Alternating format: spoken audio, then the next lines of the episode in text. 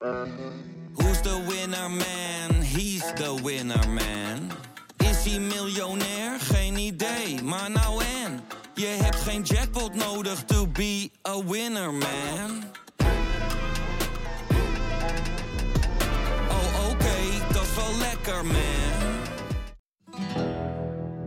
Je rijdt dus door een oorlogsgebied op een, op een vellig, terwijl het keihard regent en overal pikdonker wordt. Nee, we durven niet te stoppen. En eh, ja, eh, Joep is nooit bang. Joep Vermans, de kamerman, die was nu ook echt bang. Via podimo.nl slash gonzo luister je de eerste 30 dagen gratis naar Podimo. podimo.nl slash gonzo.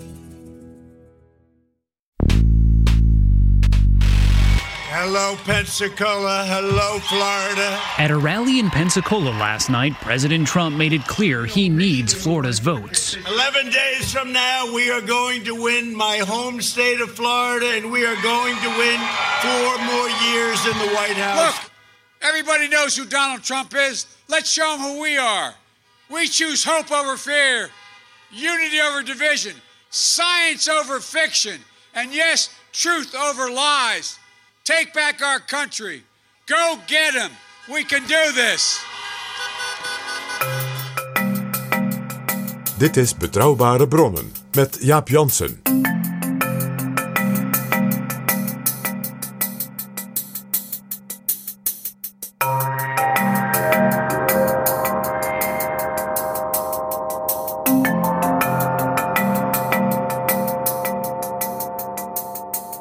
Hallo, welkom in Betrouwbare Bronnen, aflevering 142 en welkom ook PG. Dag Jaap. PG, ik heb post gekregen uit Londen van het Europese hoofdkwartier van CNN. En ik ga het maar meteen even openmaken. Er staat op de, op de envelop staat CNN America's Choice 2020. Ik maak hem open en dan gebeurt dit.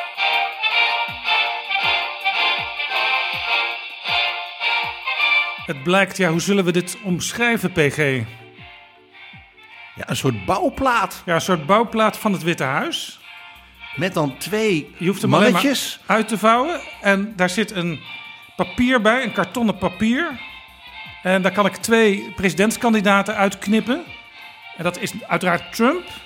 En Met zijn duimen in de lucht. ook Joe Biden. En Joe Biden ziet er een beetje creepy uit met een zonnebril. Ja, maar dat is zijn de zonnebril en zwaaiend. Ja, het lijkt wel of het, het is eerder door Fox gemaakt, die Joe Biden, dan door CNN. Nou, zou je mij valt nog iets op, Jaap. Joe Biden heeft geen mondkapje. Nee, maar dit is nog wel misschien van eh, enige tijd geleden. Ja, en, en als ik het nou goed begrijp, is het de bedoeling dat je dan op een bepaald moment tijdens de verkiezingsavond, als het zo langzamerhand de exitpolls binnenkomen, dat je een van die twee poppetjes dan op de voor, zeg maar op de porch Ja. van het Witte Huis klaarzet. Want er zijn drie gleufjes eh, aan, Ja. de, aan de zijkanten van het Witte Huis, zeg maar. De, De East Wing en de West Wing. en de East Wing.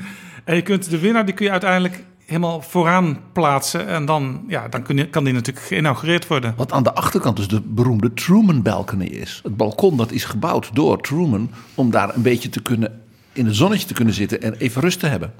En het is wel heel mooi dat ik die post kreeg van CNN. Want we gaan het vandaag hebben over de Amerikaanse presidentsverkiezingen.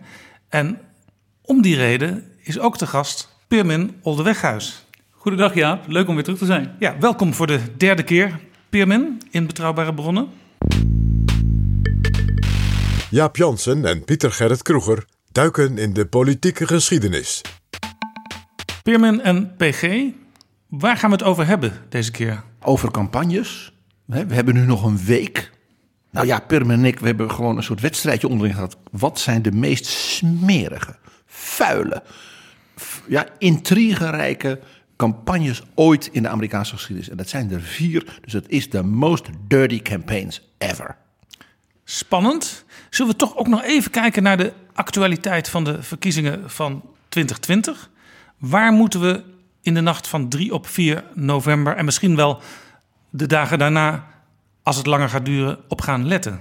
Ja, dat zijn, dat zijn eigenlijk twee, twee gedeeltes, eh, Jaap, denk ik. Aan de ene kant ehm, eh, heb je wat eerder ook wel eens de Blue Wall werd genoemd voor, voor de Democraten. Dus dan kijk je echt naar, mid, naar de Midwest. De kleur van de Democraten is blauw, de kleur van de Republikeinen is rood. Ja, de kenmerkende kaartjes op, eh, op CNN weer. Ehm, en Joe Ja, Bi- en, en, en wat ik altijd fascinerend vind, als je die kaart van Amerika ziet, dan zie je in het geval van Trump enorm rood eh, deel in het midden. Eigenlijk En het Westen? vanuit Nederland, vanuit Europa gezien, denk je, ja, als je zoveel rood hebt, dan heb je gewonnen. Maar dat is altijd gezichtsbedrog, want daar wonen maar heel weinig kiezers. Dus die krijgen ook weinig kiesmannen. Ja, daar wordt neerbuigend worden dat ook wel eens de flyover states genoemd. Eh, of dat dan de, een beetje de bucket of deplorables-achtige houding die daar tegenover staat. Mag ik je een voorbeeld geven dat de luisteraar het een beetje door laat dringen? Eh, in, oppervlakte, een van de allergrootste staten van Amerika is de staat Montana. Dat is in het westen, aan de grens met Canada, zeg maar tussen de, de Plains en de Rocky Mountains. Dat is echt reusachtig in vierkante kilometers. Je doet er een dag met de trein over als je er doorheen rijdt. En de staat Montana heeft een half miljoen inwoners en is zo groot als Duitsland. En er zijn dus staten, die zijn heel klein qua oppervlakte. En die hebben dus een veelvoud van het aantal inwoners van Montana. En dit is ook het gekke van die verkiezingen, want eh, er wordt ook altijd een deel van de Senaat gekozen. Daar is juist eh, het effect andersom. Want elke staat krijgt twee senatoren. Dus Ongeacht hoe groot de bevolking een staat met een half miljoen inwoners, zeg maar het, het Luxemburg van de Verenigde Staten, eh, krijgt twee senatoren. Maar ook California, wat zo'n beetje de grootste staat is, denk De ik. achtste economie ter wereld als het een onafhankelijk land zou zijn. Het is gezichtsbedrog als je als Europeaan zonder voorbereiding die avond tv zit te kijken en ineens dat hele stuk bijvoorbeeld rood ziet kleuren. En tegelijkertijd maakt dat ook tot wanneer democraten zo praten over dat zaken veel meer op, op populatie, dus op echte aantallen stemmen eh, bepaald zouden moeten worden. Waarom dat heel veel republikeinen zo nerveus maakt. En vooral republikeinen in dat soort staten. Omdat eigenlijk als je een soort van simpele rekensom zou maken op basis van de totale populatie, je hebt 100 senaatzetels, zou er dan iemand uit Montana in de senaat zitten? Zou het antwoord nee zijn. Alleen door de constitutie is dat zo verdeeld dat al die staten representatie hebben. Nog zo'n hele grote bergachtige staat. De staat Wyoming heeft dus twee senatoren, net als Texas, net als New York, net als California, en heeft maar één kiesdistrict in het huis. Er zijn dus buitenwijken van, van, van Los Angeles, van New York, zoals waar die wel zes van dat soort afgevaardigden kunnen afleveren aan het huis vanwege het bevolkingsaantal. Die hele staat Wyoming, nou daar doe je ook ongeveer een dag over met de trein om doorheen te rijden, heeft dus één kiesdistrict en twee senatoren. Ja, Zo leeg, zo onbewoond. En je zou dus kunnen zeggen, historisch hebben de, eh, de conservatievere staten die hebben een, een voorsprong. Terwijl het totale electoraat eh, misschien wel een stuk progressiever is. Urbaner ook, eh, diverser. Door demografische veranderingen gaat het ook wel weer veranderen. Want ik zag een hele mooie documentaire een tijdje geleden... van mensen die vanuit Californië naar Texas verhuisden. Omdat in Texas de kosten van levensonderhoud een stuk lager zijn. eh, Maar twee derde van in Californië. En ja, daar zitten ook veel potentiële democratische kiezers bij. Dus dat kan Texas doen tuimelen. En er is natuurlijk ook de demografische ontwikkeling van eh, Latino's... die een belangrijkere rol gaan spelen. En Aziaten en eh, mensen eigenlijk uit de hele wereld. Het is dus niet alleen de Hispanics. eh, die als, ware als bevolkingsgroep eh, Amerika diverser maken. Maar bijvoorbeeld ook het feit dat een belangrijke delen van de zwarte bevolking. als het ware meer en meer in wat ze dan noemen de middle class komen. Maar ook heel veel dus mensen uit China, uit Korea, de Pacific-eilanden. dus ook heel veel Aziatische kiezers. En die stemmen 60, 70 procent op de Democrats. Ja, overigens eh, is het ook wel weer zo dat als mensen in de middelklas terechtkomen en daar ook weer in gaan stijgen, dan worden ze soms ook weer wat behoudender, conservatiever. En dan zouden ze ook wel weer wat vaker op de Re- Republicans kunnen gaan stemmen. Nou, ze zijn dan wat gevoelig voor eh beloften van belastingverlaging. Ze worden niet meteen, ik zal maar zeggen, sociaal heel veel conservatiever. Je hebt eigenlijk voor de Democraten daarom, als je kijkt eh, om welke staten gaat het nou uiteindelijk, dan wordt er heel vaak gesproken, zeker na de overwinning van Trump in 2016, eh, wordt gesproken over de staten in de Rust Belt, in de Midwest, Pennsylvania, Michigan, Wisconsin. Omdat eigenlijk heel verrassend Hillary Clinton daar verloor. Terwijl zij erop had gerekend dat dat eigenlijk wel veilig zou zijn. Het was zelfs zo dat ze er überhaupt niet naartoe ging. Zo zelfverzekerd was ze. Dat kwam ook omdat Obama als zwarte kandidaat in bijvoorbeeld een behoorlijk witte staat als Wisconsin en ook eh, opvallend goed scoorde. En ook in Pennsylvania en Michigan had Obama gewoon, eh, zeg maar, die, die zat gewoon goed. Dus Maar- Clinton en haar mensen dachten, nou ja, eitje. En dat is achteraf gezien dus oliedom geweest van de Hillary Clinton campagne. Want in Pennsylvania was het aantal stemmenverschil minder dan 45.000 uiteindelijk. In Wisconsin geloof ik iets van, en in, in Michigan iets van 10, 15.000. En dat is echt... Dat Dat zijn is ook zulke niet peilen hè, voor de peilingsinstituten. Dat, dat, dat verwijt dat de, dat de polls allemaal fout zaten, dat klopt niet. De polls zaten goed. Die hadden goed gezien dat Clinton 4% meer stemmen zou krijgen in Amerika. Maar je kunt de buitenwijken van Detroit, eh, de suburbs van Milwaukee, dat, dat daar 5.000, 6.000 mensen bijvoorbeeld niet opkomen en 5.000, 6.000 mensen van stem veranderen. Dat is niet te meten. Nee, en het opkomen is natuurlijk voor de, de mensen die Trump willen verslaan nu enorm belangrijk. Vandaar dat er steeds eh, geroepen wordt, vote. Elk, elke democraat die op televisie geïnterviewd, die zegt ergens één of twee keer in het gesprekje van, van een paar minuten, eh, ga stemmen. Laten we even luisteren naar de meest recente oproep van Barack Obama. Die dus met name ook richting de jonge kiezers zei: get out the vote. Ja, go out. Eh, Echt met, met, met, met bijna met, nou ja, een Obamaans vuur. I'm asking you to believe in Joe's ability, in Kamala's ability to lead this country out of these dark times and help us build it back better. Because we can't abandon those who are hurting right now. We can't abandon the children who aren't getting the education they need right now. We can't abandon those protesters who inspired us. We've got to channel their activism into action. We've got to vote like never before and leave no doubt. So make a plan right now for how you're going to get involved and vote. Do it as early as you can. Tell your family, tell your friends how they can vote. Don't stop with Joe and Kamala. Make sure you vote all the way down the ticket. So let's get to work, people. Let's bring this home.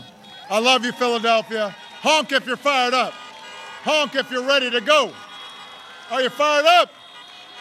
Are you ready to go? Are you fired up? Are you ready to go? Let's go make it happen. I love you, Philadelphia. Thank you. I love you. Come on. Dat was Barack Obama. En wie ik ook heel veel zie eh, de afgelopen dagen op televisie is Pete Buttigieg, eh Mayor Pete. Die is echt eh, enorme steun en toeverlaat voor de campagne. Die is overal te vinden. En die zegt eigenlijk alleen maar positieve dingen over alles wat er in de campagne gebeurt. Zelfs als het even, ja, zelfs als het even wat negatiever zou kunnen uitpakken voor Joe Biden. Hij weet er altijd een, een positieve draai aan te geven. Mayor Pete heeft zich ontwikkeld tot de super surrogate. Zoals de Amerikanen dat zo mooi De. Kellyanne Conway van Joe Biden. Dat is wel een hele gemene hoor. Eh, eh, maar Mayor Pete die weet dus als het ware in een soort op een spin te geven aan zeg maar, het verhaal van Biden. Eh, eh, zonder dat dat heel plat wordt. Eh, dus Mayor Pete wordt ingezet voor de zeg maar, wat hoger opgeleide kiezer die nog niet zo heel erg politiek is.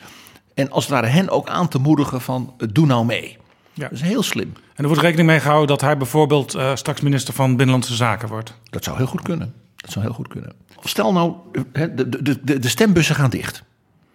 Hè, En dan heb je een uur of twee dat Wolf Blitzer en dat soort mensen, wat ze dan moeten doen, dat is gewoon water trappelen. Dus zwetsen, speculeren, eh, dit en dat.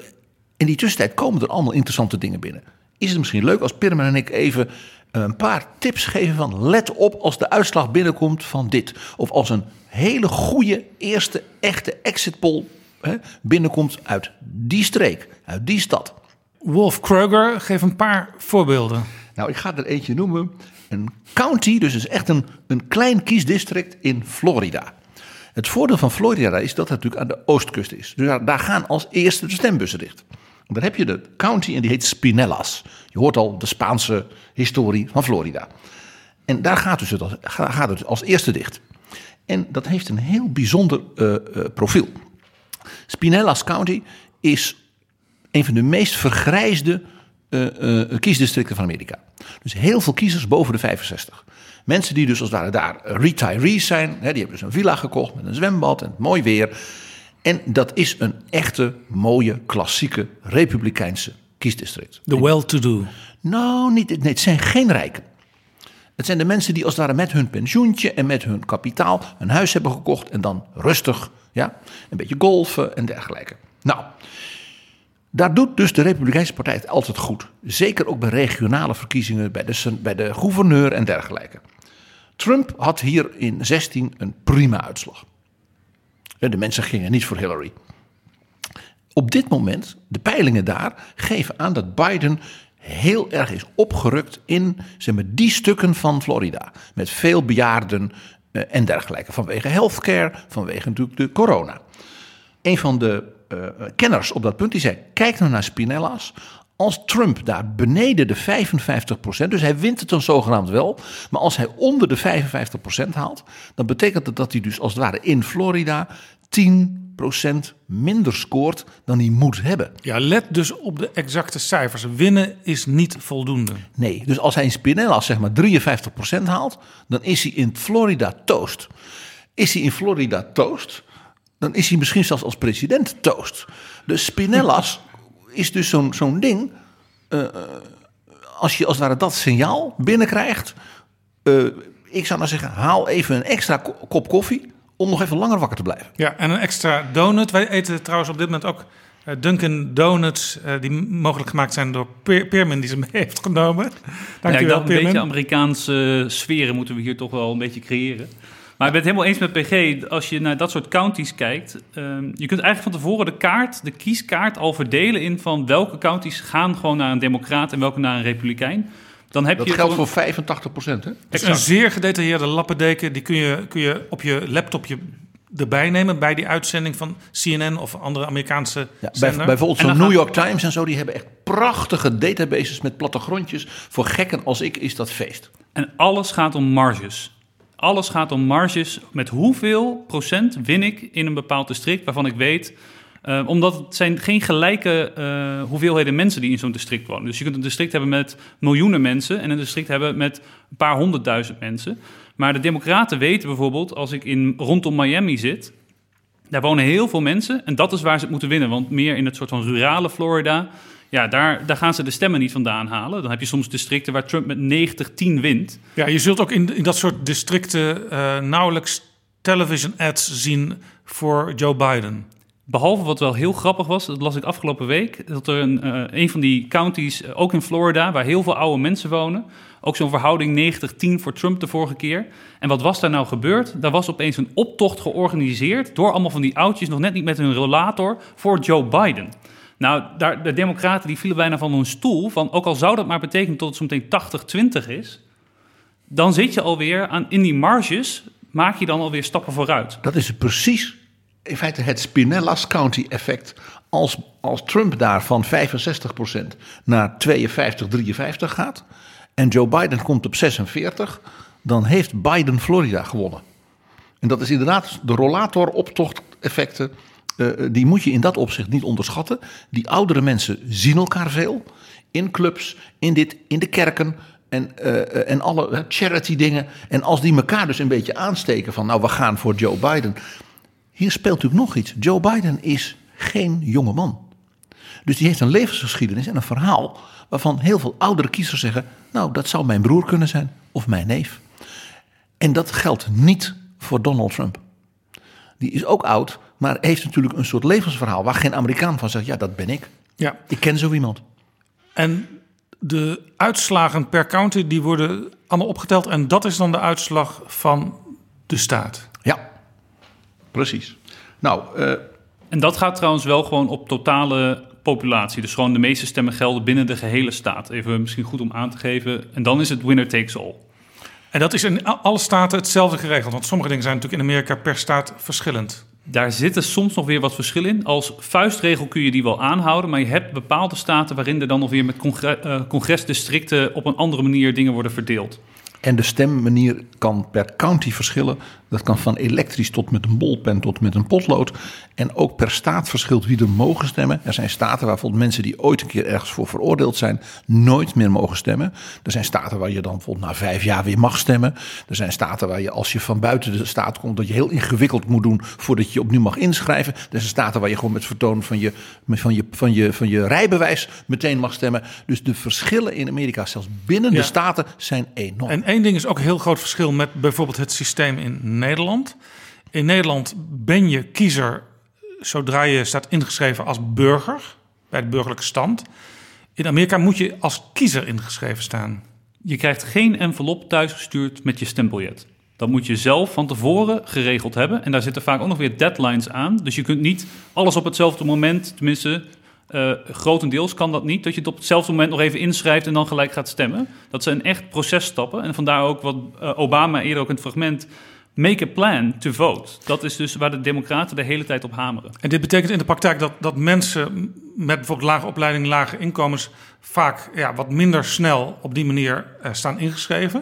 En dat is dus ook in het nadeel, zou je kunnen zeggen, vaak van de Democraten. Is er nooit in Amerika een discussie gevoerd om dat te veranderen, dat systeem? Nee, want de staten zijn op dat punt eh, soeverein.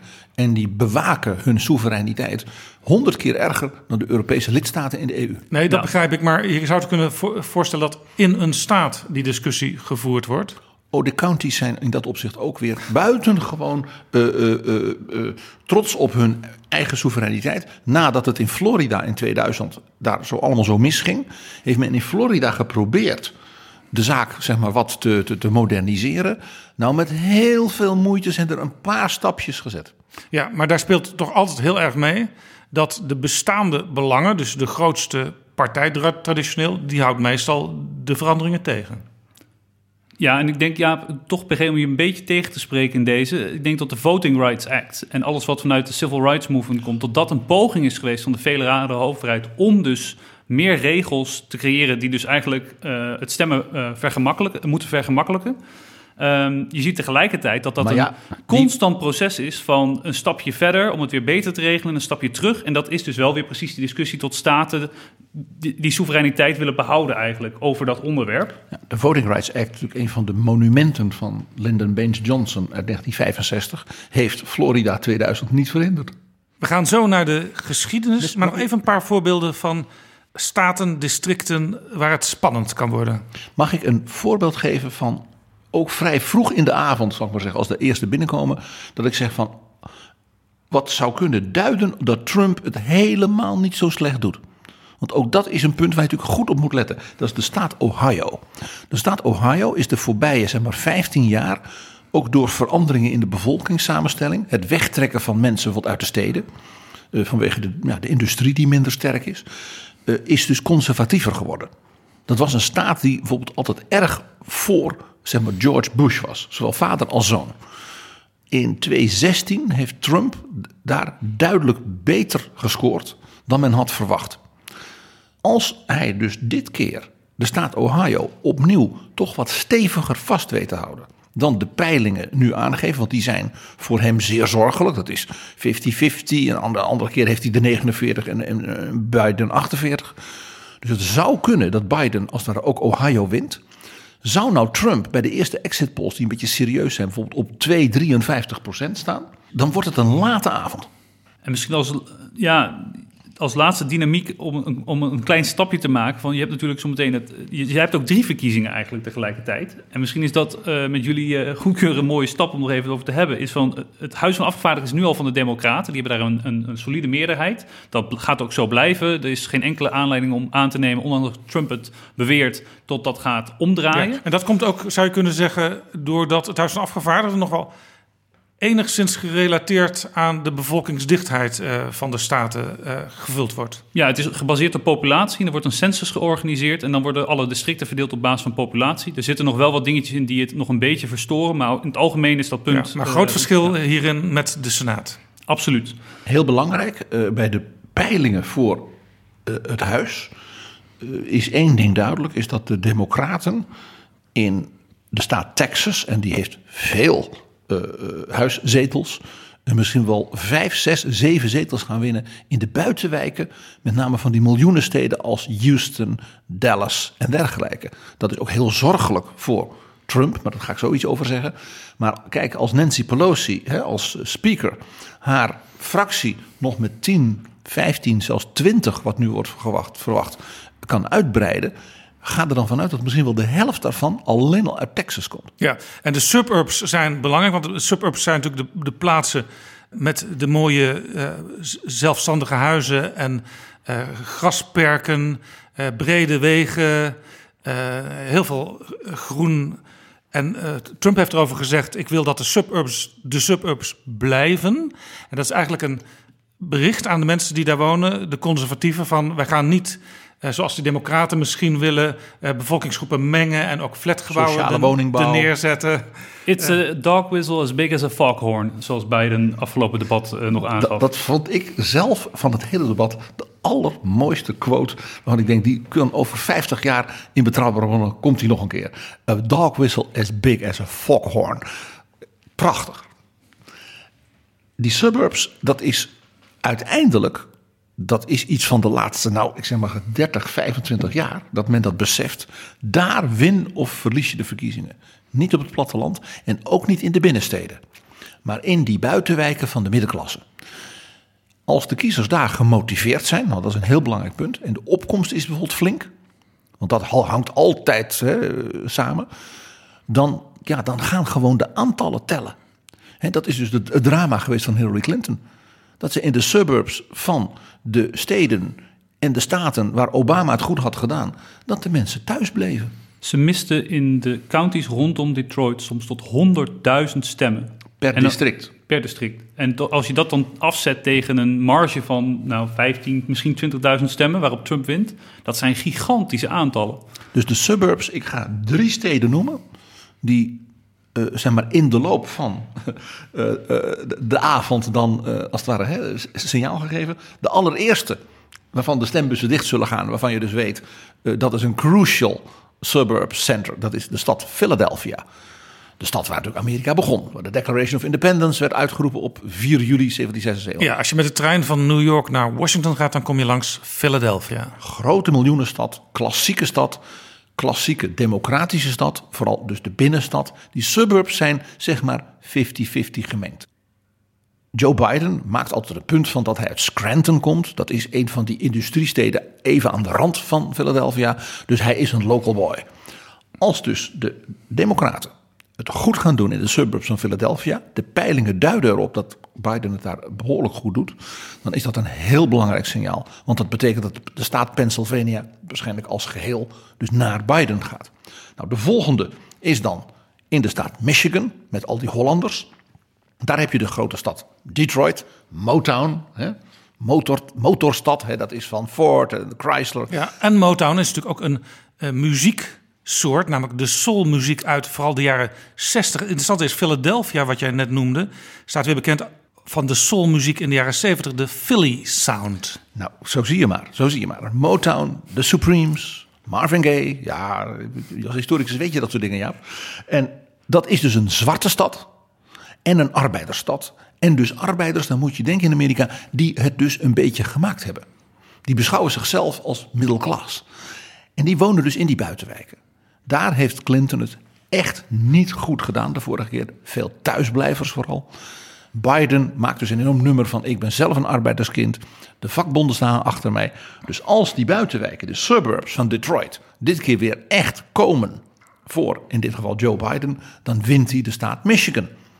Dus een van die staten die Hillary nipt verloor tegen alle verwachtingen in. En dan maakt het eigenlijk niet zoveel uit wat al die Hollanders daar allemaal doen. Nou, het grappige is, ook daar heb ik cijfers van gezien. Eh, de, de, de kiesdistricten van de Hollanders, Grand Rapids en dergelijke, die staan er niet goed voor voor de GOP. Oké, dat is dus een tegenvaller bijvoorbeeld voor Piet Hoekstra, de, Nederland, de ambassadeur van Amerika in Nederland, die ook uit die regio komt. Die was de vertegenwoordiger van, van dat district. Zijn opvolger, meneer Huizinga, die heeft het moeilijk. Bill Huizinga. Die heeft het moeilijk, want er is dus met name onder de jongeren en de vrouwen... en dat zijn allemaal hele vrome gereformeerde Nederlanders... maar die hebben toch zoiets van... we hebben nu vier jaar dat, nou ja, dat beest daar gehad... met grab the pussy en wat al niet. We hebben er genoeg van. En dat is dus, als die mensen thuis blijven, is dat al slecht voor Trump. Maar als ze gaan switchen, al doet maar 10% dat. Ja, dan gaat dat district dus naar de Democraten. En dan natuurlijk altijd weer Wisconsin. De, de, de, de staat, dat is echt het, het dingetje. Als dat beweegt, dan beweegt Amerika. En dan heb je de grote stad Milwaukee. De Duitse stad van Amerika. De stad van de grote bierbrouwerijen. Van de klassieke Duitse industrie in Amerika. En die buitenwijken daar, dat zijn hetzelfde soort mensen. Mensen hebben opgewerkt, hebben uh, middelklas. Veel Duitsers, Oekraïners, Polen. Allemaal heel katholiek ook, vroom. Uh, en die, uh, ja, Joe Biden is zo'n katholieke arbeiderszoon. En dat ziet er dus niet goed uit in de peilingen voor Trump in de staat Wisconsin. Ja. Cruciale staat. En dat komt door deze buitenwijken van Milwaukee. Dus ik ga, ook omdat ik de stad goed ken en ik het mensen ken, ik ga kijken naar Wauwatosa, Waukesha, want zo heten de suburbs van Milwaukee. En daar konden de verkiezingen wel eens worden beslist. En nog één tip natuurlijk, Jaap, de staat Texas. Texas is in play. Klassiek, ja, de, de, de Republikeinen hoefden er überhaupt geen campagne te voeren bijna. Dat wonnen ze. Het de Bushes kwamen er vandaan natuurlijk. De Bushes kwamen vandaan. Het was gewoon done. Hillary deed het al verrassend goed. Ja, het hielp er alleen niet. Uh, in, uh, uh, in Texas. Nou, bij de tussentijdse verkiezingen in 2018, die waren een drama voor de Republikeinen. Ze verloren bijna de senaatzetel. Dat scheelde bijna niks. De buitenwijken van Houston en van Dallas ja, daar, daar doet Biden het gewoon goed in de peilingen. Uh, op het platteland kon het wel eens zo zijn dat men toch ook, net als bij die Hollanders in Michigan, dat vele mensen, ook vrouwen en zo zeggen: Nou, ik weet het niet hoor. En dan gaat Trump eraan. Als Trump Texas verliest, net als wanneer hij Florida verliest, is hij geen president meer. We gaan het zien. Dit is Betrouwbare Bronnen, een podcast met betrouwbare bronnen.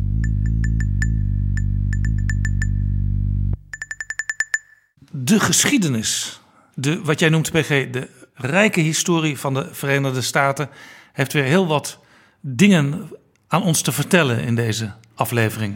Ja, we, gaan, uh, we gaan vier verkiezingscampagnes in de geschiedenis langs wandelen.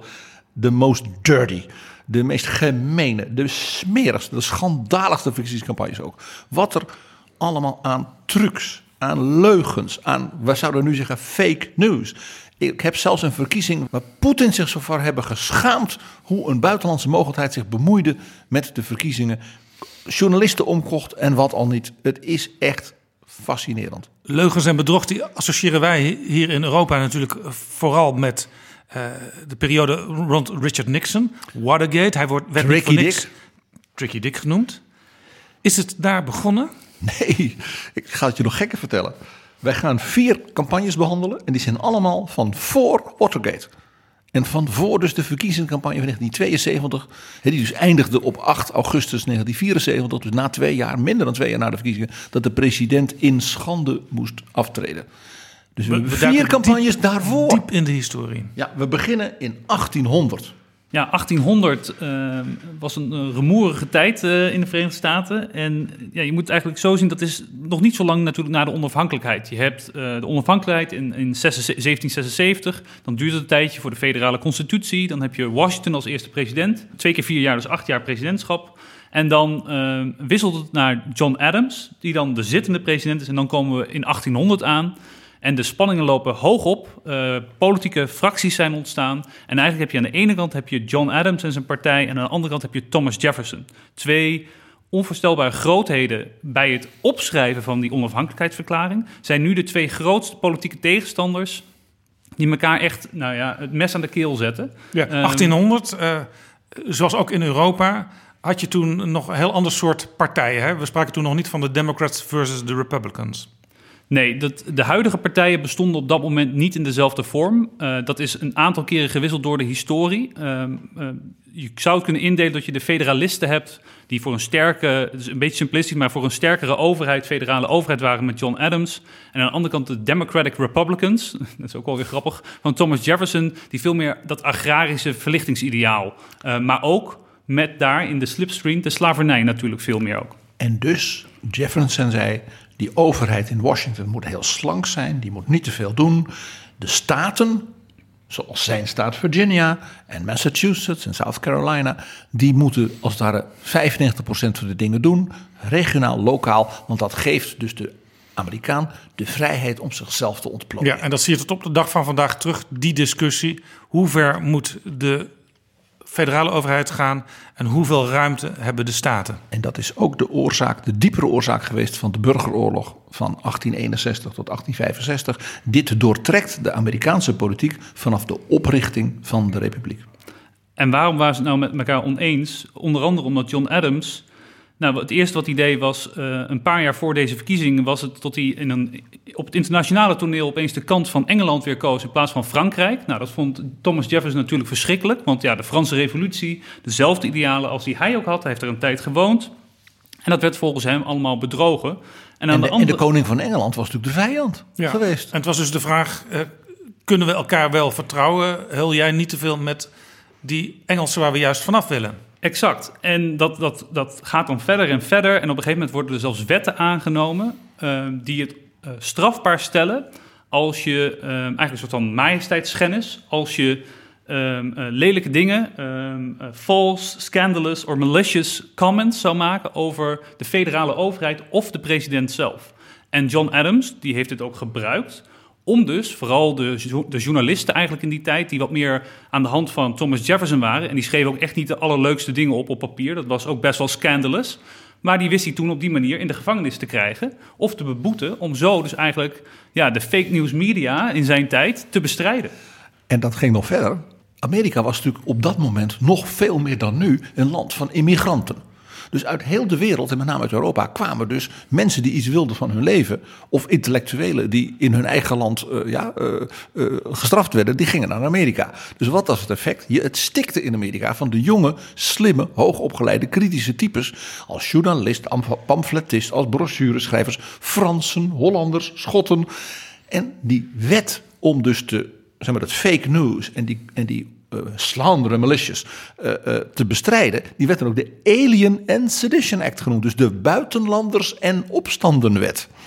Dus als je dan als zeg maar, kritische Franse aanhanger van Robespierre iets onaardigs schreef over de president, dan werd je op de boot gezet en dan je, moest je terug naar Frankrijk. Ja, wat je nu een beetje in Rusland hebt, waar je al snel voor buitenlandse agent wordt uitgemaakt als je kritisch bent. En tegelijkertijd, wat, wat was dan de angst van, van John Adams, om ook even de andere kant te belichten? Die hadden dus helemaal, eh, die kwamen veel meer vanuit perspectief. Ja, maar zie nou wat er gebeurt in Frankrijk.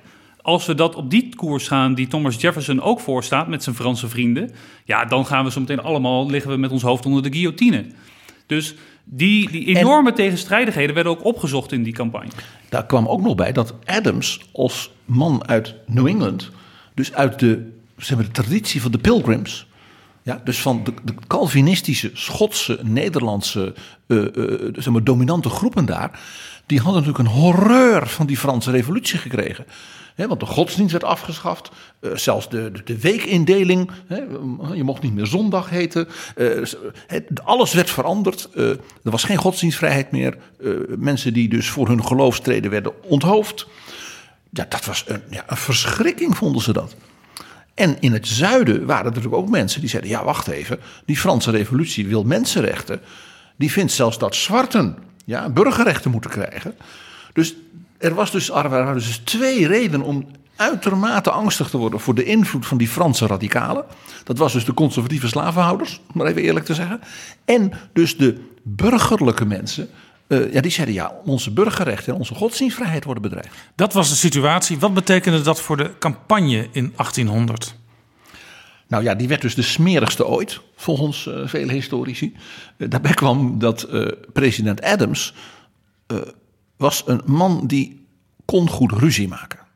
Ook met zijn eigen aanhangers. Dus die heeft een van de belangrijkste mensen in het Amerika van toen, zeg maar de rechterhand van president Washington, dat was een beetje een soort adoptiefzoon van hem, Alexander Hamilton, bekend van de musical. Eh, die heeft hij ja, tegen zich het harnas gejaagd, terwijl dat eigenlijk zijn beste supporter was. Maar hij maakte ruzie met hem. En Hamilton die wou dus eigenlijk iemand anders dan Adams als kandidaat. Dus hij heeft eerst geprobeerd in de eigen partij iemand anders naar voren te schuiven. Hij was zelf geen kandidaat. Die persoon werd uiteindelijk de vicepresidentskandidaat van Adams. Dus eigenlijk zat er een soort ja, vijfde kolonne achter Adams. Dat wist Jefferson.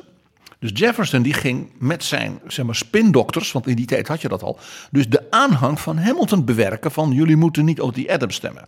De absolute spindokter van Jefferson, dat was iets heel nieuws, dat was zijn vicepresidentskandidaat, Aaron Burr. Een New Yorkse politicus die om één ding beroemd was, de man had geen geweten en geen scrupules. Die was tot alles bereid. Jefferson kon dus de grote staatsman, de filosoof ja, spelen, maar het vuile werk werd gedaan door Aaron Burr de Carl Rove. De, de, de, de, de, hoe zal ik het zeggen? De Roger Stone. De Roger Stone van Thomas Jefferson. Die zocht ik, precies ja. Die organiseerde dus alle dirty tricks.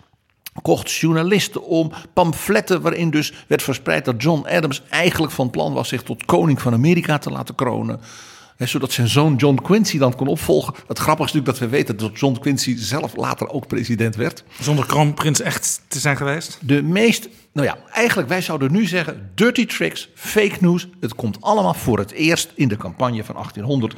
En met dus één iemand die gewoon volkomen gewetenloos, winner takes all, dat organiseert voor iemand, de presidentskandidaat, die dus als een soort, uh, nou ja, uh, soort vroom en briljant genie optrad. En was Adams zelf ook zo vroom in die campagne? Uh, nou ja, Adams, ik zei het, was natuurlijk een goede ruziezoeker. Dus er werd enorm van modder gegooid van twee kanten. Dus ook de aanhang van Adams uh, uh, ja, liet zich niet zeg maar onbetuigd. Want die zeiden dus, als je op Jefferson stemt, dan krijg je de guillotine. Nou, dat was ook wel even... De, de kortom, het was echt letterlijk moord en doodslag. maar ja, het meest vervelende was natuurlijk voor Adams dat Jefferson en Aaron Burr dus die verdeeldheid in zijn eigen achterban voortdurend konden exploiteren. En zo kwam er, en ook dat is weer heel eigentijds, een brief van Alexander Hamilton van meer dan 50 pagina's. Een soort essay waarin hij dus alle fouten van John Adams voor de achterban nog eens had opgeschreven.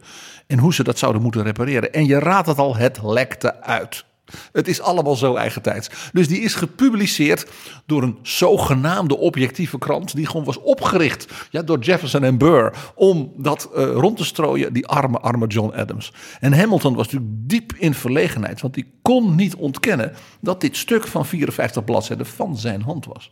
De uitslag is uiteindelijk dat uh, het is bijna gelijk spel tussen beide kampen. En door uh, complicaties met hoe toen nog werd gestemd voor vicepresident en president zorgde dat voor een situatie tot er gedeeld moest worden en tot zelfs nog uh, Aaron Burr nog uh, president had kunnen worden, waar het niet tot er uiteindelijk een deal wordt gesloten. Jefferson is de nieuwe president. Jefferson heeft dus gedeeld met Hamilton, de steunpilaar van Adams, om de New Yorkse delegatie in het Huis van Afgevaardigden de stemmen te laten verschuiven van Adams naar Jefferson. En dat had twee redenen. Jefferson wou dus zelf president worden. En om te verhinderen dat die New Yorkers hun, hun stadgenoot Aaron Burr gingen steunen. Zodat dus Aaron Burr ook nog president zou kunnen ja, worden. Dit is interessant, want nu in de tijd van Trump versus Biden wordt er ook wel gespeculeerd over een, een twist die kan ontstaan over de verkiezingsuitslag. Trump die is nu natuurlijk al heel veel uh, verwarring aan het zaaien over uh, briefstemmen, of dat allemaal wel in de haak is. En we hebben natuurlijk dat systeem met de kiesmannen. Uh, maar er zijn een heleboel lagen van regels in de Verenigde Staten. Mocht het misgaan. En die zijn dus uit die tijd, want de verkiezingen zeg maar, van de jaren Washington, Adams, Jefferson hebben geleid tot aanvullende amendementen op de grondwet. Om dus de ze hebben te zekeren dat er zo min mogelijk fout zou kunnen gaan bij die stemmingen. Ja, dus, dat komt dus hierdoor. Het kan dus zijn dat het Hoge Rechtshof nog een rol speelt. Maar zoals in dit historische voorbeeld... kan het ook zijn dat het Huis van Afgevaardigden nog aan de orde komt. Om je een voorbeeld te geven. Het Huis van Afgevaardigden moest dus stemmen... omdat het Electoral College dus een padstelling gaf. En de deal tussen Jefferson en Hamilton achter de schermen... leidde ertoe dat pas bij de 36e stemronde... ineens die New Yorkers voor Jefferson stemde. En dus Adams, die dat dus niet wist, die is zo verschrikkelijk boos geweest dat hij de nacht voor de inauguratie van president Jefferson met zijn koets en met zijn papieren dus is naar, naar Boston is gegaan. En de volgende ochtend was dus de president niet aanwezig bij de inhuldiging van zijn opvolger. En deze mannen waren dus gezworen kameraden, vrienden geweest, iconen van de nou ja, de oprichting van de Amerika als republiek. Dus het is ook een heel tragisch verhaal. Maar om dan toch nog de silver lining daarin op te zoeken. Adams was eerst eh, nog natuurlijk inderdaad die teleurstelling en die, en die boosheid daarover. Heeft zelfs tot iets heel beroemds, uiteindelijk een heel beroemds iets dat eruit voortkwam. Was vlak voordat Jefferson, en dit, dit komt nu ook weer in het spel, echt daadwerkelijk dus die oath of office in januari zou nemen om dus president te worden. Heeft Adams de avond ervoor tot in de ochtend, tot negen uur s ochtends nog, eh, nieuwe rechters zitten benoemen. Overal waar hij de mogelijkheid had om dat nog te doen voordat Jefferson de nieuwe president zou zijn. En ook dat is weer een parallel met de huidige geschiedenis, wat er nu gebeurt. Trump die nog probeert op het laatste moment een nieuw lid van het Hooggerechtshof te benoemen. Ja, er zit een absolute parallel. Dus in ieder geval het feit dat die rechters, die, die politieke betekenis daarvan, van die benoemingen, tot daar heel veel belang wordt aan, gehecht wordt, dat is compleet een, een, ja, een vergelijking met heden ten dagen. Twee dingetjes, Jaap. Want de nasleep van deze verkiezingen en de verschrikkelijke campagne met al die dirty tricks is dus enorm geweest. Sterker nog, meer dan 25 jaar. Adams en Jefferson zijn uiteindelijk, met name dankzij Abigail Adams, de vrouw van John Adams, weer verzoend geraakt. Hebben een hele mooie briefwisseling ook nog gehad. Tot het eind van hun leven. Dat eind van hun leven is heel bijzonder, dat zal ik zo vertellen. Maar er is nog iets. Aaron Burr werd dus geen president door de intriges van zijn eigen president Jefferson en Alexander Hamilton. En dat heeft ertoe geleid uiteindelijk dat Alexander Hamilton is doodgeschoten in een duel door Aaron Burr. Dus de vicepresident van Amerika schoot de vroegere rechterhand van Washington dood in een duel. Jefferson en Adams zijn dus verzoend geraakt en stierven beide op dezelfde dag, 4 juli 1826, de dag 50 jaar nadat ze de Declaration of Independence hadden getekend en naar buiten gebracht. We gaan naar 1860, de tijd van Abraham Lincoln. Als je het idee hebt dat Amerika nu op instorten staat, als dat je overtuiging is, dan raad ik je aan om nog een keer naar 1860 te kijken. Want dat was het moment, denk ik, waarop de hele wereld ook keek. Sommige monarchieën zelfs met enige genoegdoening. Dat de Verenigde Staten echt op het punt stond van definitief uit elkaar vallen. Waar het niet. Nou ja, dat werd aan de ene kant nou, veroorzaakt, wil ik niet zeggen. De aanleiding was de verkiezing van Abraham Lincoln. En tegelijkertijd is Abraham Lincoln ook degene die het uiteindelijk heeft weten te voorkomen. En je zegt met enige genoegdoening keken monarchieën in de wereld toe. Omdat ze natuurlijk bang waren dat ze zelf eh, in een republiek zouden veranderen. Ja, het, het is natuurlijk eh, het Amerikaanse experiment, waar ze zichzelf ook zo in, in prijzen, eh, was ook toen nog behoorlijk uniek over de, over de gehele wereld. Als je ziet hoe lang dat al stand hield. En het is uiteindelijk ook natuurlijk Abraham Lincoln, that government for the people, by the people shall not perish from the earth.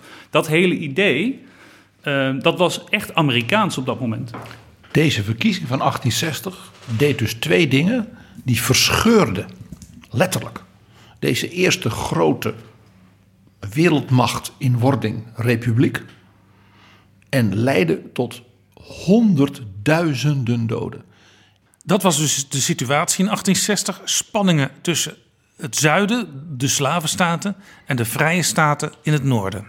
En ook in dus dat nieuwe Westen.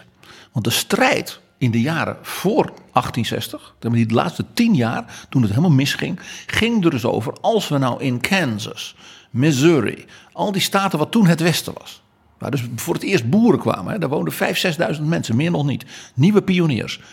Mogen die slaven houden of niet? De zuidelijke staten zeiden tuurlijk. De noordelijke staten zeiden nee, die slavernij dat is iets van het zuiden. We gaan de rest van Amerika niet besmetten met slavernij. Dat was dus een principiële kwestie. Een enorme vechtpartij tot in de, het Supreme Court, in de Senaat. Heftigste debatten. En Abraham Lincoln was de persoon. Zijn platform was eigenlijk. Uh, nou, ik heb veel dingen over Lincoln zeg, maar een house divided against itself cannot stand. Oftewel, voor hem um, um, was het zo dat, dat dit vraagstuk uiteindelijk opgelost moet worden. Hij heeft daar zelf ook een ontwikkeling in doorgemaakt. Maar uiteindelijk, dat zal pas jaren later zijn, uh, komt het eigenlijk tot, tot uiting dat het uiteindelijk afgeschaft moet worden. Ook als een in, die, in die oorlog zelf. Maar ten tijde van die verkiezing waren de zuidelijke staten zo bang dat wanneer Abraham Lincoln, die van dezelfde partij was als William Seward uit New York, die allemaal echt nog fanatieker tegen de slavernij waren, die waren bang als dat doorgaat, dan is het gedaan met onze rechten eigenlijk om die slaven te houden. En dat, vergis je niet dat in, in die tijd, dat in een staat als Mississippi, tot 50% van de bevolking zwarte slaven waren. En, dat, en dan laten we zeggen, zo'n 30% van de witte bevolking was ook daadwerkelijk slavenhouder. Dus die mensen die waren daar, ehm, dat was hun allergrootste belang op dat moment om dat te verdedigen. Eh, hoe moreel verwerpelijk dat ook is. Het interessante is dat het effect, en daarom dus 1860 zo'n zo'n sleutelmoment is, en ook zo'n dirty, dirty campaign, ik zal straks wat voorbeelden geven, was dat dus de tegenstanders van de slavernij, zelfs de mensen die zeiden van ik ben tegenstander van slavernij, maar in het zuiden mag het dan nog wel blijven, dat die samen ineens één partij vormden. Dus allemaal regionale en ook wel nationale kleinere partijen, een soort CDA-fusie van de anti-slavernijpartijen. En die noemden zich de Republicans. Dus dat is en die kennen wij tot de dag van vandaag. Dat is de oorsprong van deze partij. Het interessante is, Abraham Lincoln die wordt eh, in de geschiedenis eh, samen met George Washington eigenlijk misschien wel als ongeveer de belangrijkste president ooit gezien. En hij wordt ook ja, van links tot rechts zeer gewaardeerd. Vandaar ook dat in de Republikeinse partij een aantal mensen die het hardgrondig oneens zijn met Donald Trump nu de Lincoln Project hebben opgericht. Hij is het morele baken, zeg maar met Ronald Reagan nu, van de Republican Party. En de Lincoln Project, daar kun je filmpjes van vinden eh, op internet. Eh, die vaak nog, nog scherper en radicaler zijn dan wat de Democraten in filmpjes zeggen over Trump. Maar interessant dus, Abraham Lincoln was in feite dus de compromiskandidaat voor het presidentschap van een hele serie kleinere partijen die samen één club gingen vormen. Dus dat ook hij was weer zelf een experiment. En nu het interessante. Je denkt, nou, dus die slavenhouders die vormden samen met heel veel geld natuurlijk. Hè, eh, eh, political Action Committee zouden wij nu zeggen. Met veel filmpjes tegen Lincoln. Nee, de Democratische Partij viel uit elkaar in drie brokken. Een deel dat zegt we moeten een soort compromis met het noorden blijven vasthouden. Een deel dat zei van slavery forever. En een deel dat zei we moeten de grondwet bewaren zoals die is. Dus er ontstonden toen drie conventions van de Democratic Party op, in verschillende steden. Die dus uit elkaar vielen. Dus er kwamen drie kandidaten van de Democrats. En het effect was dat, dat eh, Abraham Lincoln, die haalde 40% van de stemmen.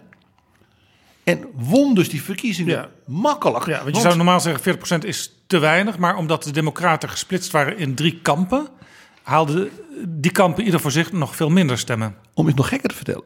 Door allerlei intriges en geknoei met de kieswet. waren er tien staten in het zuiden, dus in het slavengedeelte van Amerika. waar Abraham Lincoln niet eens op het stembiljet stond. Zo gehaat was het idee dat iemand op hem zou stemmen. Ja. Er Ik waren vind dus- dit overigens altijd een fascinerend onderdeel van de Amerikaanse geschiedenis. Ook omdat eh, als je bij nul begint, zeg maar, als je je eerste Amerikaanse verkiezingen meemaakt en je ziet de Democraten en de Republikeinen tegenover elkaar staan, dan kun je eigenlijk niet voorstellen dat die Democraten ooit eh, ja, in zekere zin zeer conservatief waren. De geschiedenis van de Democratische Partij is een heel interessante. Een cijfer om, voor de luisteraars. Hoe radicaal dus dit was. In de 15 staten waar in Amerika de slavernij dus toen nog bestond. Daar had je dus 996 kiesdistricten. Daarvan heeft Lincoln er twee gewonnen. Terwijl hij 40% van de stemmen nationaal haalde. En één daarvan was de stad St. Louis in Missouri. En dat was dus een stedelijke stad waar dus weinig slaven waren en waar dus veel zeg maar, eh, mensen die zeiden van Amerika moet daarvan af. Het platteland van Missouri was natuurlijk massaal anti-Lincoln. Daar kon je ook helemaal niet op hem stemmen.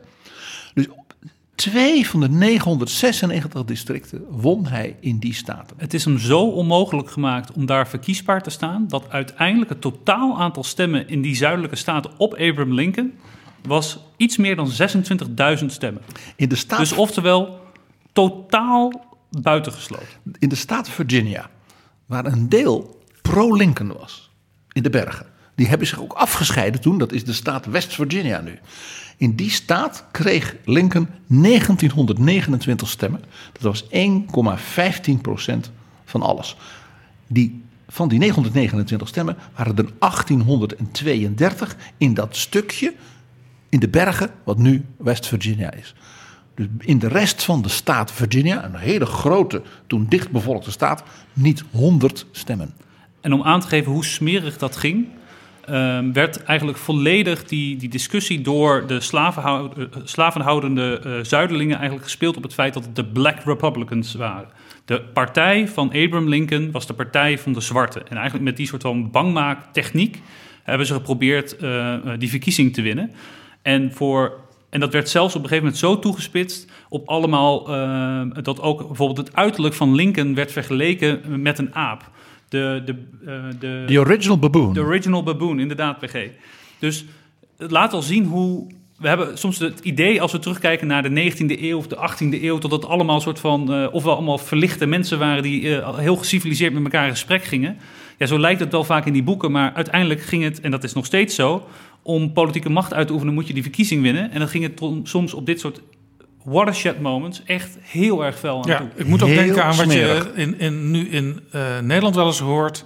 Eigenlijk werd er toen gezegd: pas op, want hier is sprake van omvolking. Er komt een, er komt een ander soort mensen hier de baas spelen. Nou, de, ik vind de vergelijking, poeh, ik vind hem heel treffend. Een van de argumenten die in het zuiden massaal werd benut tegen Lincoln in 1860 en ook nadat hij vermoord was. En dus de burgeroorlog was verloren door het zuiden. Dat was, let op, let op, Lincoln en daarna dus zijn aanhangers. Dat zijn aanhangers van miscegenation. Dat een woord dat wij niet kennen. Dat, dat was, zwarte jongens kunnen met blanke meisjes trouwen. En onze blanke maagden, die mogen niet worden besmet door die zwarte apen. Dat was een openlijke, diep racistische, inderdaad omvolkingachtige campagne. Uiteraard een fluistercampagne. Maar met spotprenten, waarbij dus inderdaad Lincoln als een aap, als een gorilla werd afgewacht. En ja, laten we eerlijk zijn. Abraham Lincoln is tot de dag van vandaag de langste man die ooit in het Witte Huis heeft gediend. Hij was bijna twee meter lang, had een... Het was geen mooie man, zullen we maar zeggen. Lange armen en benen. En, en, en, en, ja, dus, dus, dus, dus voor de tekenaars was het ook vrij snel eh, aanlokkelijk om iets met dat uiterlijk te doen. En dan heb je uiteindelijk de uitkomst van die verkiezing. Is uiteindelijk met 40% weet hij dus toch te winnen. Ondanks dat hij dus op zoveel plekken van, de, van, de stem, van het stembiljet afgehouden is. En op dat moment kiezen eh, eigenlijk bijna direct daarna, nog voordat hij geïnaugureerd is, scheiden eh één voor één allemaal zuidelijke staten zich af van de Verenigde Staten. Die dus, eh, en uiteindelijk de Confederate States of America oprichten. Wat uiteindelijk gaat leiden to- tot de burgeroorlog tussen de Union, Abraham Lincoln, president, eigenlijk de legitieme overheid van de Verenigde Staten. En aan de andere kant De de, rebels. de secessionists, de rebels. Die, waarvan je nu ook heel vaak die Confederate Battle Flag nog ziet. Precies, en dat is de vlag die soms zelfs nog eh gehesen wordt bij officiële gelegenheden, waar dan eh, je, je eigenlijk een grote groep burgers heel veel pijn mee doet. Maar dat zit dus blijkbaar nog heel diep bij sommige groepen in het zuiden. En het is dus geen toeval dat boeren als die van FDF die Stars and Bars vlag gebruiken. Dat is dus een onmiskenbare, ook dog whistle as loud as a foghorn. Voor dus eh, tegen buitenlanders, tegen zwarten. En laten we er niet omheen draaien, dat is een openlijk racistisch symbool. Het gaat zo ver.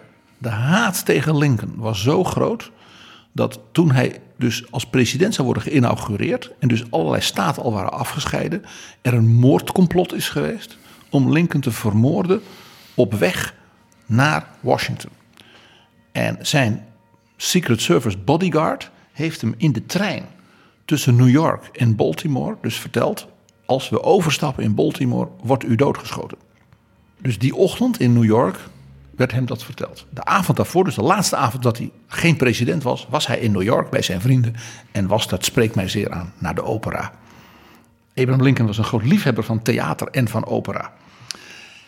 En in de trein werd hem verteld, je wordt vermoord bij aankomst in Baltimore. Want dat hadden spionnen hadden dat gehoord. Ja, en ze zeiden, we kunnen het niet tegenhouden, want we weten niet wie het zijn. Maar dat complot is heel, heel helder. Dus toen heeft eh, die Secret Service man, heeft Lincoln gezegd, ja, Mr. President, elect, Mr. President elect, ik kan u niet verstoppen. De man was twee meter lang. Als hij uitstapte, wist iedereen dat is Abraham Lincoln. Ja? Dus toen hebben ze hem andere kleren aangedaan. En toen hebben ze hem dus als het naar een ander perron. Dus ze hebben gewoon van alles geprobeerd in een andere trein. En kwam dus levend in Washington aan. Maar zelfs met andere kleren, als je twee meter bent en, en, en ja, zeer herkenbaar bent. Ja, dus dat was een poging om, nou ja, in elk geval, dat is de bron geweest van een hardnekkig verhaal dat in het zuiden daarna is gedaan, dat Abraham Lincoln zo'n bangerd was, zo'n coward, dat hij in vrouwenkleren in de trein van New York naar Washington is gereden. Maar dat is dus een, een apocrief verhaal. Natuurlijk. Maar ga er maar aan staan. Op het moment dat je nog niet eens daadwerkelijk de office hebt genomen, valt je land uit elkaar.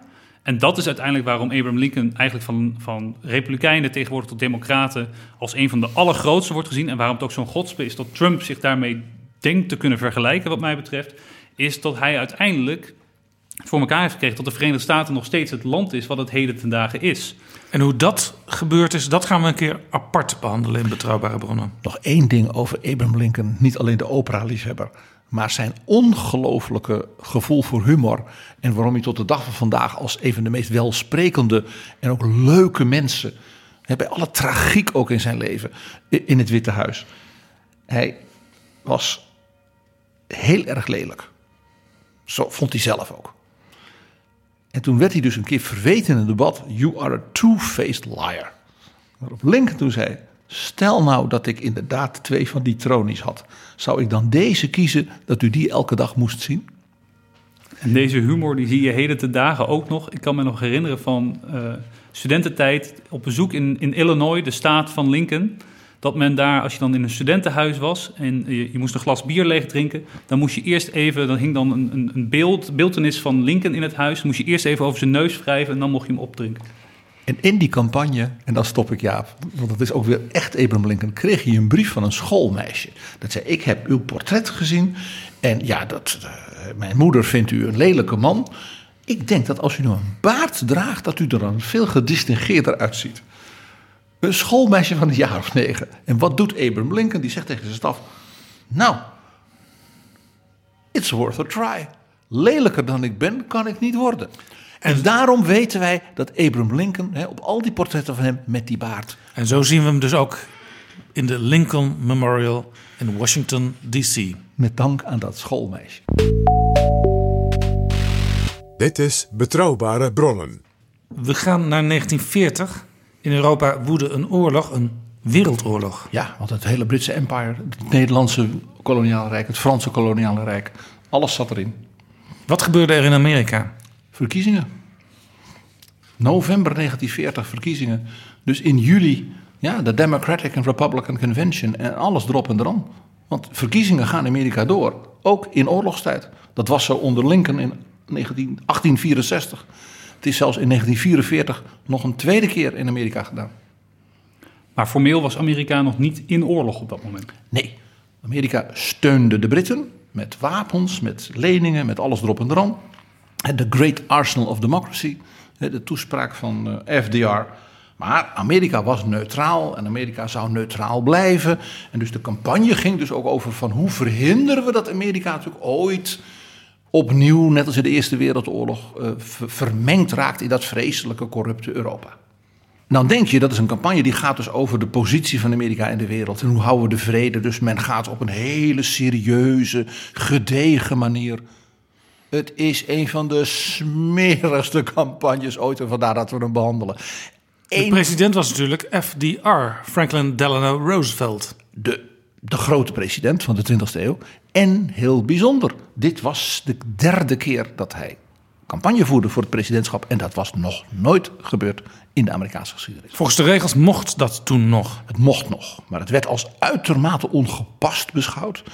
En FDR heeft dus heel lang net gedaan of hij dat niet wist dat hij dat van plan was. En hij heeft zich dus op zijn partijconventie dus laten smeken of hij toch alsjeblieft wilde. En toen heeft hij dus met heel veel tegenzin, je snapt het wel hè, heeft zich nou vooruit te maken. Want het land, eh, grote problemen, de wereld moet gered worden. En dat kan alleen dus door de zittende president die zo ervaren is. en Zo'n nationale figuur. Maar hij Ah, moest ja. zichzelf eigenlijk daardoor groter maken dan George Washington.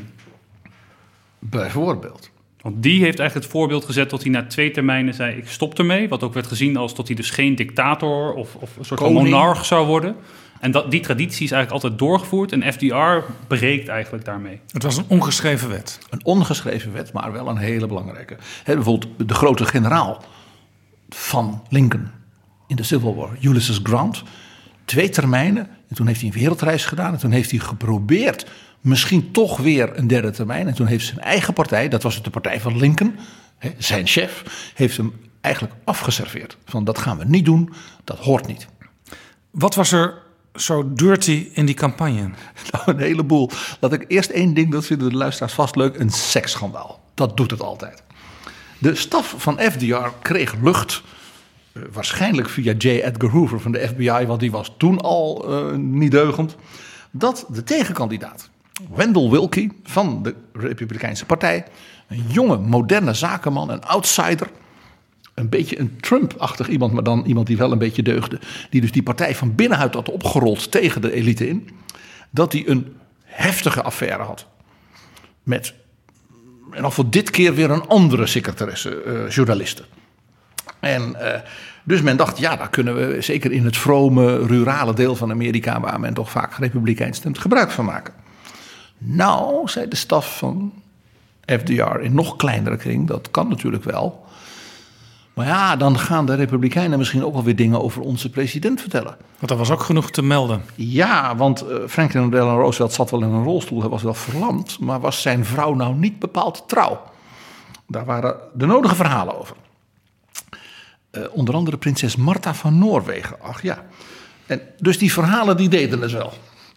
En toen heeft dus Roosevelt, zoals alleen Roosevelt hiermee om kon gaan, de volgende suggestie aan zijn staf gedaan. Als jullie nou eens de staf van Wilkie vertellen dat wij dit weten, maar dat wij, we are too decent om daar gebruik van te maken. Dat is chantage. Nee, nee, nee, gewoon een kleine waarschuwing. Alles is geoorloofd in oorlog en politiek, hè? Precies, precies. Of zoals professor Lincoln Gordon, een van de assistenten van uh, FDR, ooit tegen mij zei: Devious, Mr. Kruger, devious. Nou, uh, dat was dus uh, zeg maar het seksschandaal, om het maar zo te zeggen. Uh, maar er was nog iets. En dat is iets wat wij helemaal kennen in deze tijd. Dit is de verkiezingscampagne geweest van de meest onvoorstelbare collusion, foreign interference en fake news. Raad is wie, zeg maar, de Poetin en de familie Agalarov van 1940 waren. Welke buitenlandse staatsman, heerser, denk je gaat proberen de verkiezingen in Amerika te beïnvloeden met manipulatie, spionage, omkoping van journalisten en alles erop en eraan. Een enorme stoker moet dat zijn ja. geweest. Jozef Stalin, Adolf Hitler, die had natuurlijk belang bij dat Amerika, America first, neutraal zou blijven. Nee, Winston Churchill. Winston Churchill. Jazeker. De man die met een machinegeweer op de foto aan de muur bij Wopke Hoekstra thuis hangt. Ja, dat pleit wel voor Wopke, vind ik. Maar dit terzijde. Kijk, Churchill was ten eerste... We hebben het met Andrew Roberts heel uitgebreid over gehad. Zelf een halve Amerikaan. En daar was hij ook trots op. Zijn moeder was de, een Amerikaanse miljonairsdochter. En hij had natuurlijk heel veel in Amerika rondgereisd. Weet je wel, met lezingen en wat dan niet. Omdat hij natuurlijk altijd failliet was. Dus hij kende beter de binnenkant van Amerika. Dus niet alleen maar Washington en New York. Maar echt de hele binnenkant door zijn lezingen, zijn reizen. dan elke andere Europese politicus daarmee, op één na. En daarmee wist hij ook hoe je kon manipuleren. En snapte dus de Amerikaanse mentaliteit. Dat eigenlijk ook van huis uit. Dus wat deed Churchill? Die organiseerde de zogenaamde British Security Coordination. Dat klinkt dus heel, heel netjes. De Britse veiligheidscoördinatie. Dat was een gigantische geheime dienstoperatie voor het beïnvloeden van de verkiezingen, van de pers, opiniemakers, krantenschrijvers. Die werden allemaal voorzien van informatie, fake news, gemanipuleerde dingen, omgekocht. De campagne was enorm. Dat ging zelfs nog verder. Er werden bepaalde congresleden specifiek uitgekozen om die helemaal te kraken. Het beruchtste voorbeeld was meneer Hamilton Fish. Dat was een republikein, dat was een enorme supporter van Hitler, dat moet toegegeven worden. Hij, hij zelfs bijvoorbeeld met Ribbentrop samen opgetreden op allerlei conferenties. En dan werd hij betaald door de nazi's. Hij vloog met het vliegtuig van Ribbentrop door Europa, jawel. En waar was die man de vertegenwoordiger van? In de staat New York van de Hudson Valley. Nou, Perman, jij weet wie er in die tijd in de Hudson Valley woonde. Franklin Delano Roosevelt. Daar, daar is nu zijn library en zijn graf in Hyde Park. Dus het Kamerlid daar was een Hitler-aanhanger. Churchill en zijn geheime dienst hebben een enorme campagne in dat district gevoerd. Plaatselijke journalisten beïnvloed, wat al niet. Ja, het is echt. Ze hebben zelfs een campagneorganisatie voor de vrijheid van Amerika. Dat was dus gewoon een Britse uh, uh, mantelorganisatie in dat district. Ze hebben foto's verspreid van die man dat hij dus de hand schudde met de Führer van de German Bund. Dat was dus de pro-nazi-club van Duitse Amerikanen. Die zei Amerika moet zich niet bemoeien met die oorlog en niet Engeland steunen. Nou, die man had een keer een hand gegeven. Die foto werd dus in dat district verspreid. Het is Poetin. Poetin zou zich er bijna voor schamen dat hij op deze manier zich bemoeide met de verkiezingen Ja. in Amerika. Dus Churchill die zat gewoon achter eh campagnemomenten in Amerika in 1940. In alle staten, in kranten, in de radio, alles. En Roosevelt wist dat natuurlijk niet. Hè? Nee, natuurlijk niet. Nee, en, J. Edgar Hoover natuurlijk al helemaal niet, want die wist nooit iets tenslotte. Nou, Roosevelt die gebruikte die meneer Hamilton Fish in een van zijn vaste grappen tijdens de campagne. In al zijn speeches, eh, dan had hij het erover van... En, eh, en ik heb voorgesteld dit te doen om Amerika veilig te houden. Zoveel vliegtuigen gebouwd. Ik heb dit gedaan voor de oude dagsvoorziening. Ik heb dit gedaan voor Social Security. En zei hij, en wie waren daartegen? En dan noemde hij dus de plaatselijke republikeinse senator. En, en dan zei hij altijd, Martin, Barton en Fish. En Martin en Barton en Fish waren drie dus bekende anti-FDR-republikeinen. En dan de zaal met 10, 20, 30.000 mensen, stadions vol, die deden dat dan na. Die- en wie waren er nog meer tegen, zei Roosevelt dan. En dan met die prachtige aristocratische bariton, Martin, Barton en Fish. En die hele zaal deed hem dat dan na. En natuurlijk wist hij dit dus niet van die campagne in zijn eigen kiesdistrict. Tuurlijk niet. Is die bemoeienis vanuit het buitenland, was die toen al aanleiding om eh, te zeggen, ja, dat gaan we niet meer toestaan in de, in de toekomst? Dit is pas naar buiten gekomen door het opengaan van het Nationaal Archief van Engeland in 1999. Dus heel kort geleden nog maar. Ja. En de geschiedschrijving van deze actie, in opdracht van een zakenman uit Canada, die een van de financiers was, die heeft gezegd: Ik wil wel dat het op papier gezet wordt en ooit dan in de wereldgeschiedenis naar buiten komt. En de, in de geschiedenis staat het volgende, ik lees het even voor. The conduct of political warfare was entirely dependent on secrecy. For that reason, the press and radio men whom we maintained contact with were comparable with sub-agents and the intermediaries with agents they were thus regarded. We beschouwden ze gewoon als agenten en spionnen. Dit is En het vindt ook plaats in een tijd dat natuurlijk het hele spionagevraagstuk met eh, wantrouwen richting Duitsers, ook in Amerika zelf, met een aantal rechtszaken om die mensen te, om te procederen tegen spionnenkringen van Duitsers. Dus in dat hele sentiment vindt het ook, past dit ook heel goed bij. Dus die kaart uitspelen door een Roosevelt, dat raakt ook een snaar bij de kiezers in zo'n verkiezing. Ja, Na de verkiezingen is er een inval gepleegd in het bureau van Hamilton Fish. En daar heeft dus de geheime dienst echt een halve vrachtwagen vol stukken van de nazi's ook. Waarbij dus duidelijk was dat eh, dus bijvoorbeeld brieven, zogenaamd van kiezers, eh, aan collega's in het huis, dat die allemaal dus waren voorbereid door zijn staf met behulp van de nazi's. Het was dus ook echt best eng wat er gebeurde. Als je het nu over fake news hebt, dan heb je het ook over beïnvloeding van media en via media. Hoe ging dat toen? Het omkopen van journalisten, het eh, geven van nieuwsberichten, eh, eh, die, dan deels waar waren, deels half waar, deels gespind. Alles gebeurde.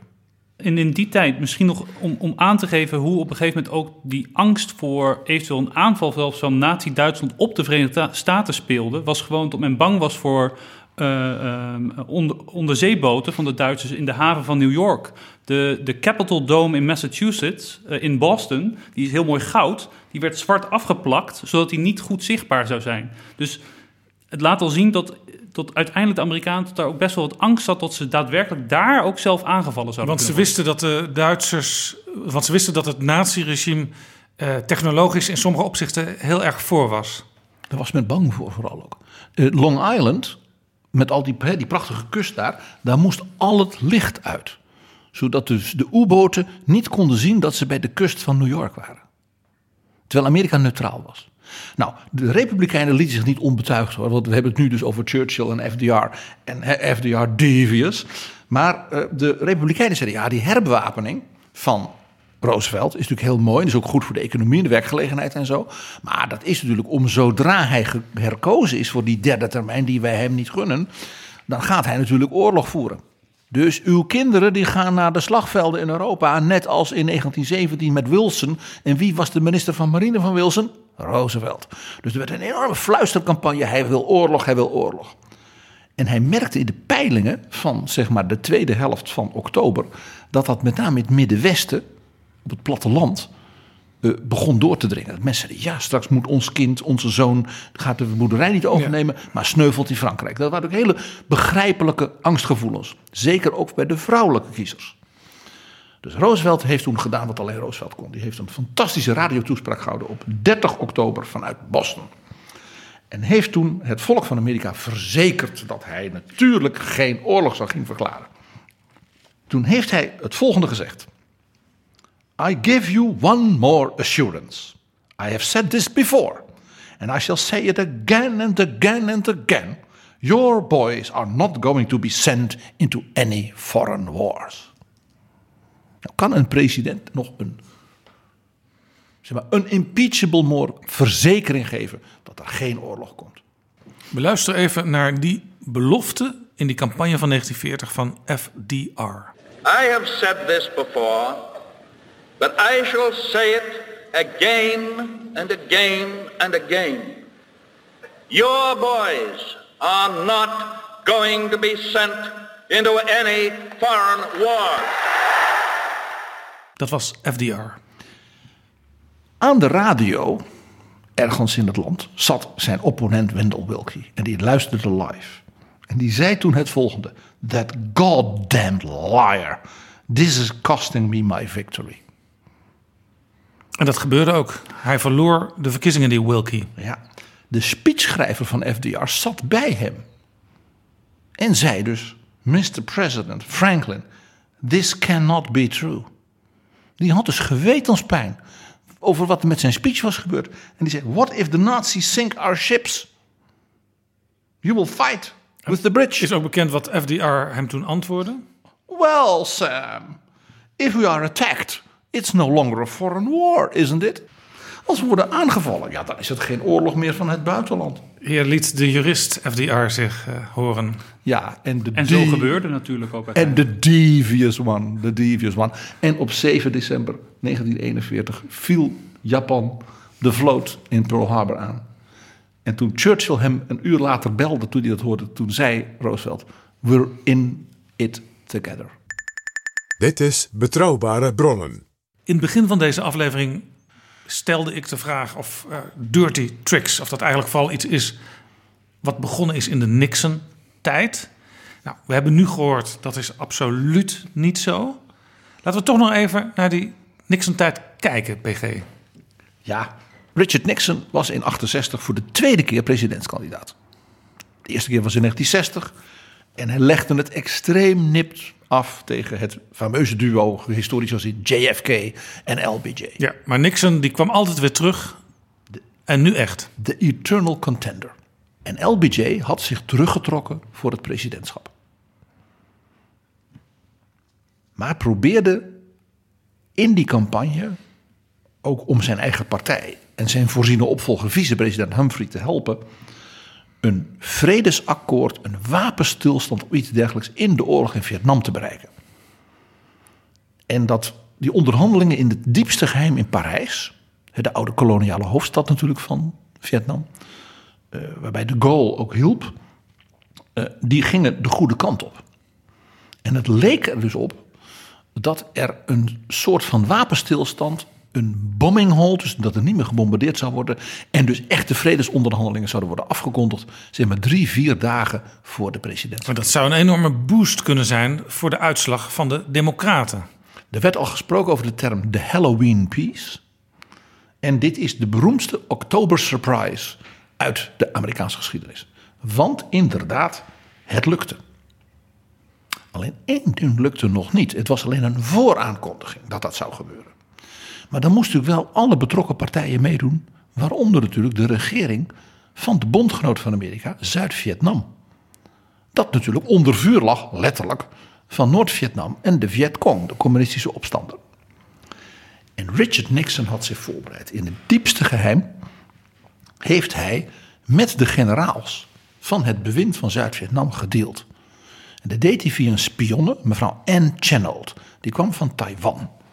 Dus die was van de rechtse, zeg maar, anti-Mao-Chinezen, zou ik maar zeggen. Die dus zeiden, we moeten Zuid-Vietnam helpen, de domino-theorie. Ann Chennault, die wist wat ze moest doen en die deed het vuile werk.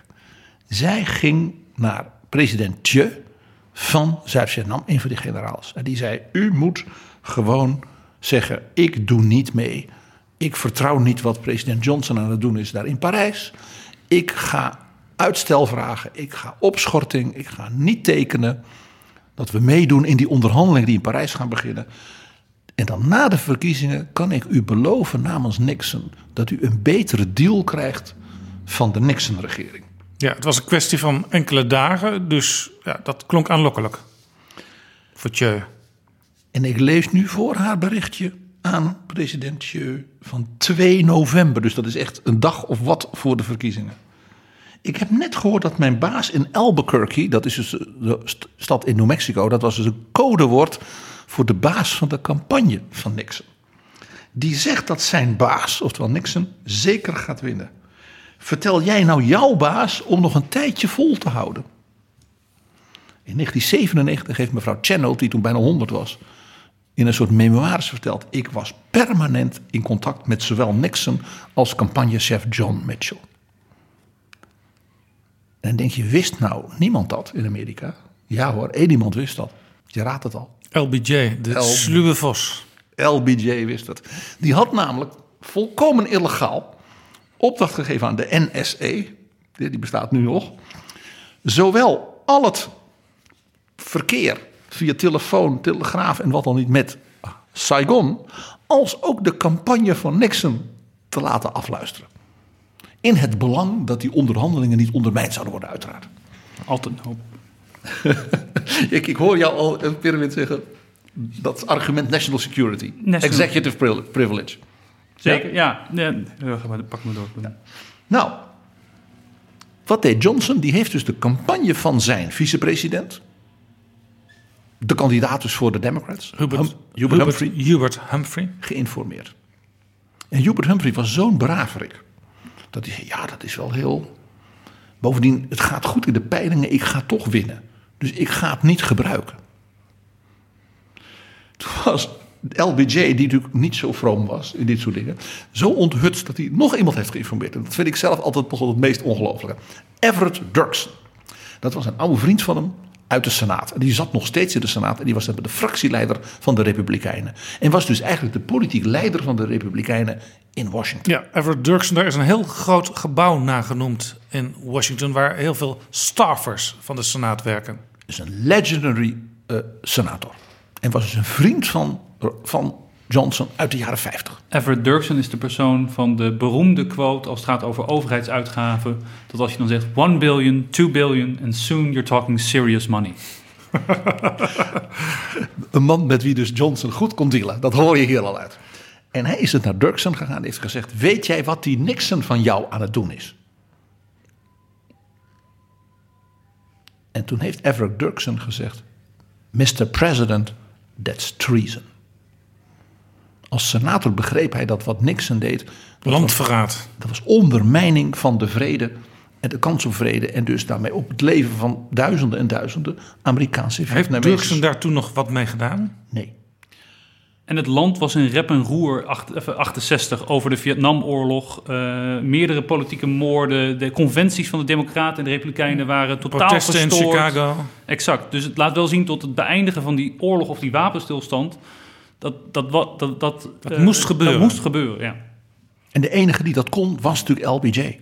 Want die had nog wel dat gezag. En bovendien natuurlijk de, de, de politieke brute eh, genie om dit voor elkaar te krijgen. Maar het, de Democraten die verloren toen die verkiezingen en Nixon werd het. Ja, want Humphrey gebruikte het niet. En een echt vredesverdrag een echte wapenstilstand kwam er dus niet omdat Zuid-Vietnam vertraagde en uh, ja. En Noord-Vietnam zei, ja, zolang Zuid-Vietnam niet meedoet, tekenen wij ook niet. Nee, het heeft, Precies wat Nixon wilde. Ja, het heeft toen nog wel even geduurd voordat er echt uh, vrede kwam. Ja, dus deze wapenstilstand is er uiteindelijk half gekomen. Maar Nixon ging toen hè, met Kissinger in Parijs die onderhandelingen voortzetten. Dat heeft vier jaar geduurd. En de tragiek is dus dat uh, LBJ stierf in januari 1973. Net nadat dus Nixon het definitieve soort vredesakkoord had bereikt. Dat was een bittere nasmaak bij het presidentschap van LBJ. Maar nog iets. LBJ heeft na de verkiezingen, toen Nixon bij hem op bezoek kwam als president-elect, dat hoort zo, dat je dan bij de zittende president, dan heeft hij hem dus verteld: Ik weet precies wat jij hebt gedaan, smeerlap. Dit is ook echt LBJ ook, hè? Die heeft er gewoon het mes tevoorschijn gehad. Ik weet het precies. En Nixon is dus vanaf dat moment tot LBJ stierf, vier jaar later, als de dood geweest dat hij zou praten. Die wist, LBJ heeft iets dat mij de kop kan kosten, ook als zittende president. Dit is dus echt een van de smerigste momenten in een verkiezingscampagne in de Amerikaanse geschiedenis geweest. Zeker als je het contrast zoekt met waarop die, wat zijn platform was. Hè? Law and order, de, de non-demonstrators die op hem zouden stemmen. En dan op zo'n manier. And I have a plan for peace in Vietnam. En toen zei hij, maar ik ga niet zeggen wat het is. Want dan wordt de onderhandelingspositie van mij als president na de verkiezingen verzwakt. Je moet maar durven. Het klinkt bijna als de plannen van Trump. We zijn nu een week voor de verkiezingen van 2020 in de Verenigde Staten. Er kan dus in zo'n laatste week nog iets heel beslissends gebeuren. En het kan ook zo zijn dat we dat pas veel later uit de geschiedenisvorsingen te weten komen. En daarom dat, dat, die, dat dat vak van geschiedenis, en zeker ook van de presidential historians in Amerika, we hebben onlangs de boeken die je moet lezen behandeld, zo oneindig fascinerend is. En daarom ik ook alweer hoop nu op over nou, twee weken, zoiets, de memoires van Barack Obama. Dankjewel PG en dankjewel natuurlijk ook Pirmin Oldeweghuis voor deze mooie verhalen uit de Amerikaanse geschiedenis.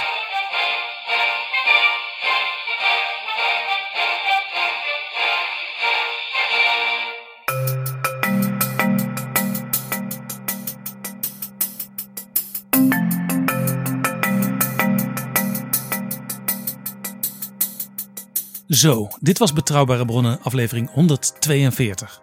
Deze aflevering is mede mogelijk gemaakt door We Nederland. En natuurlijk door donaties van luisteraars via de site vriendvandeshow.nl/slash bb. Ga daar eens naartoe, want daar staat heel veel informatie over deze en andere afleveringen. En we vinden het natuurlijk heel fijn als je je betrokkenheid bij betrouwbare bronnen laat blijken. Door bijvoorbeeld een jaar lang 2,5 euro per maand te doneren. Iets anders heeft u een interessant product, dan is het mogelijk daarvoor te adverteren in deze podcast. En het sponsoren van meerdere afleveringen kan ook. Neem daarvoor contact op met Flip Kilian Adams. Zijn mailadres is flipapenstaartdagennacht.nl. Tot volgende keer. Betrouwbare bronnen wordt gemaakt door Jaap Jansen in samenwerking met dag en nacht.nl.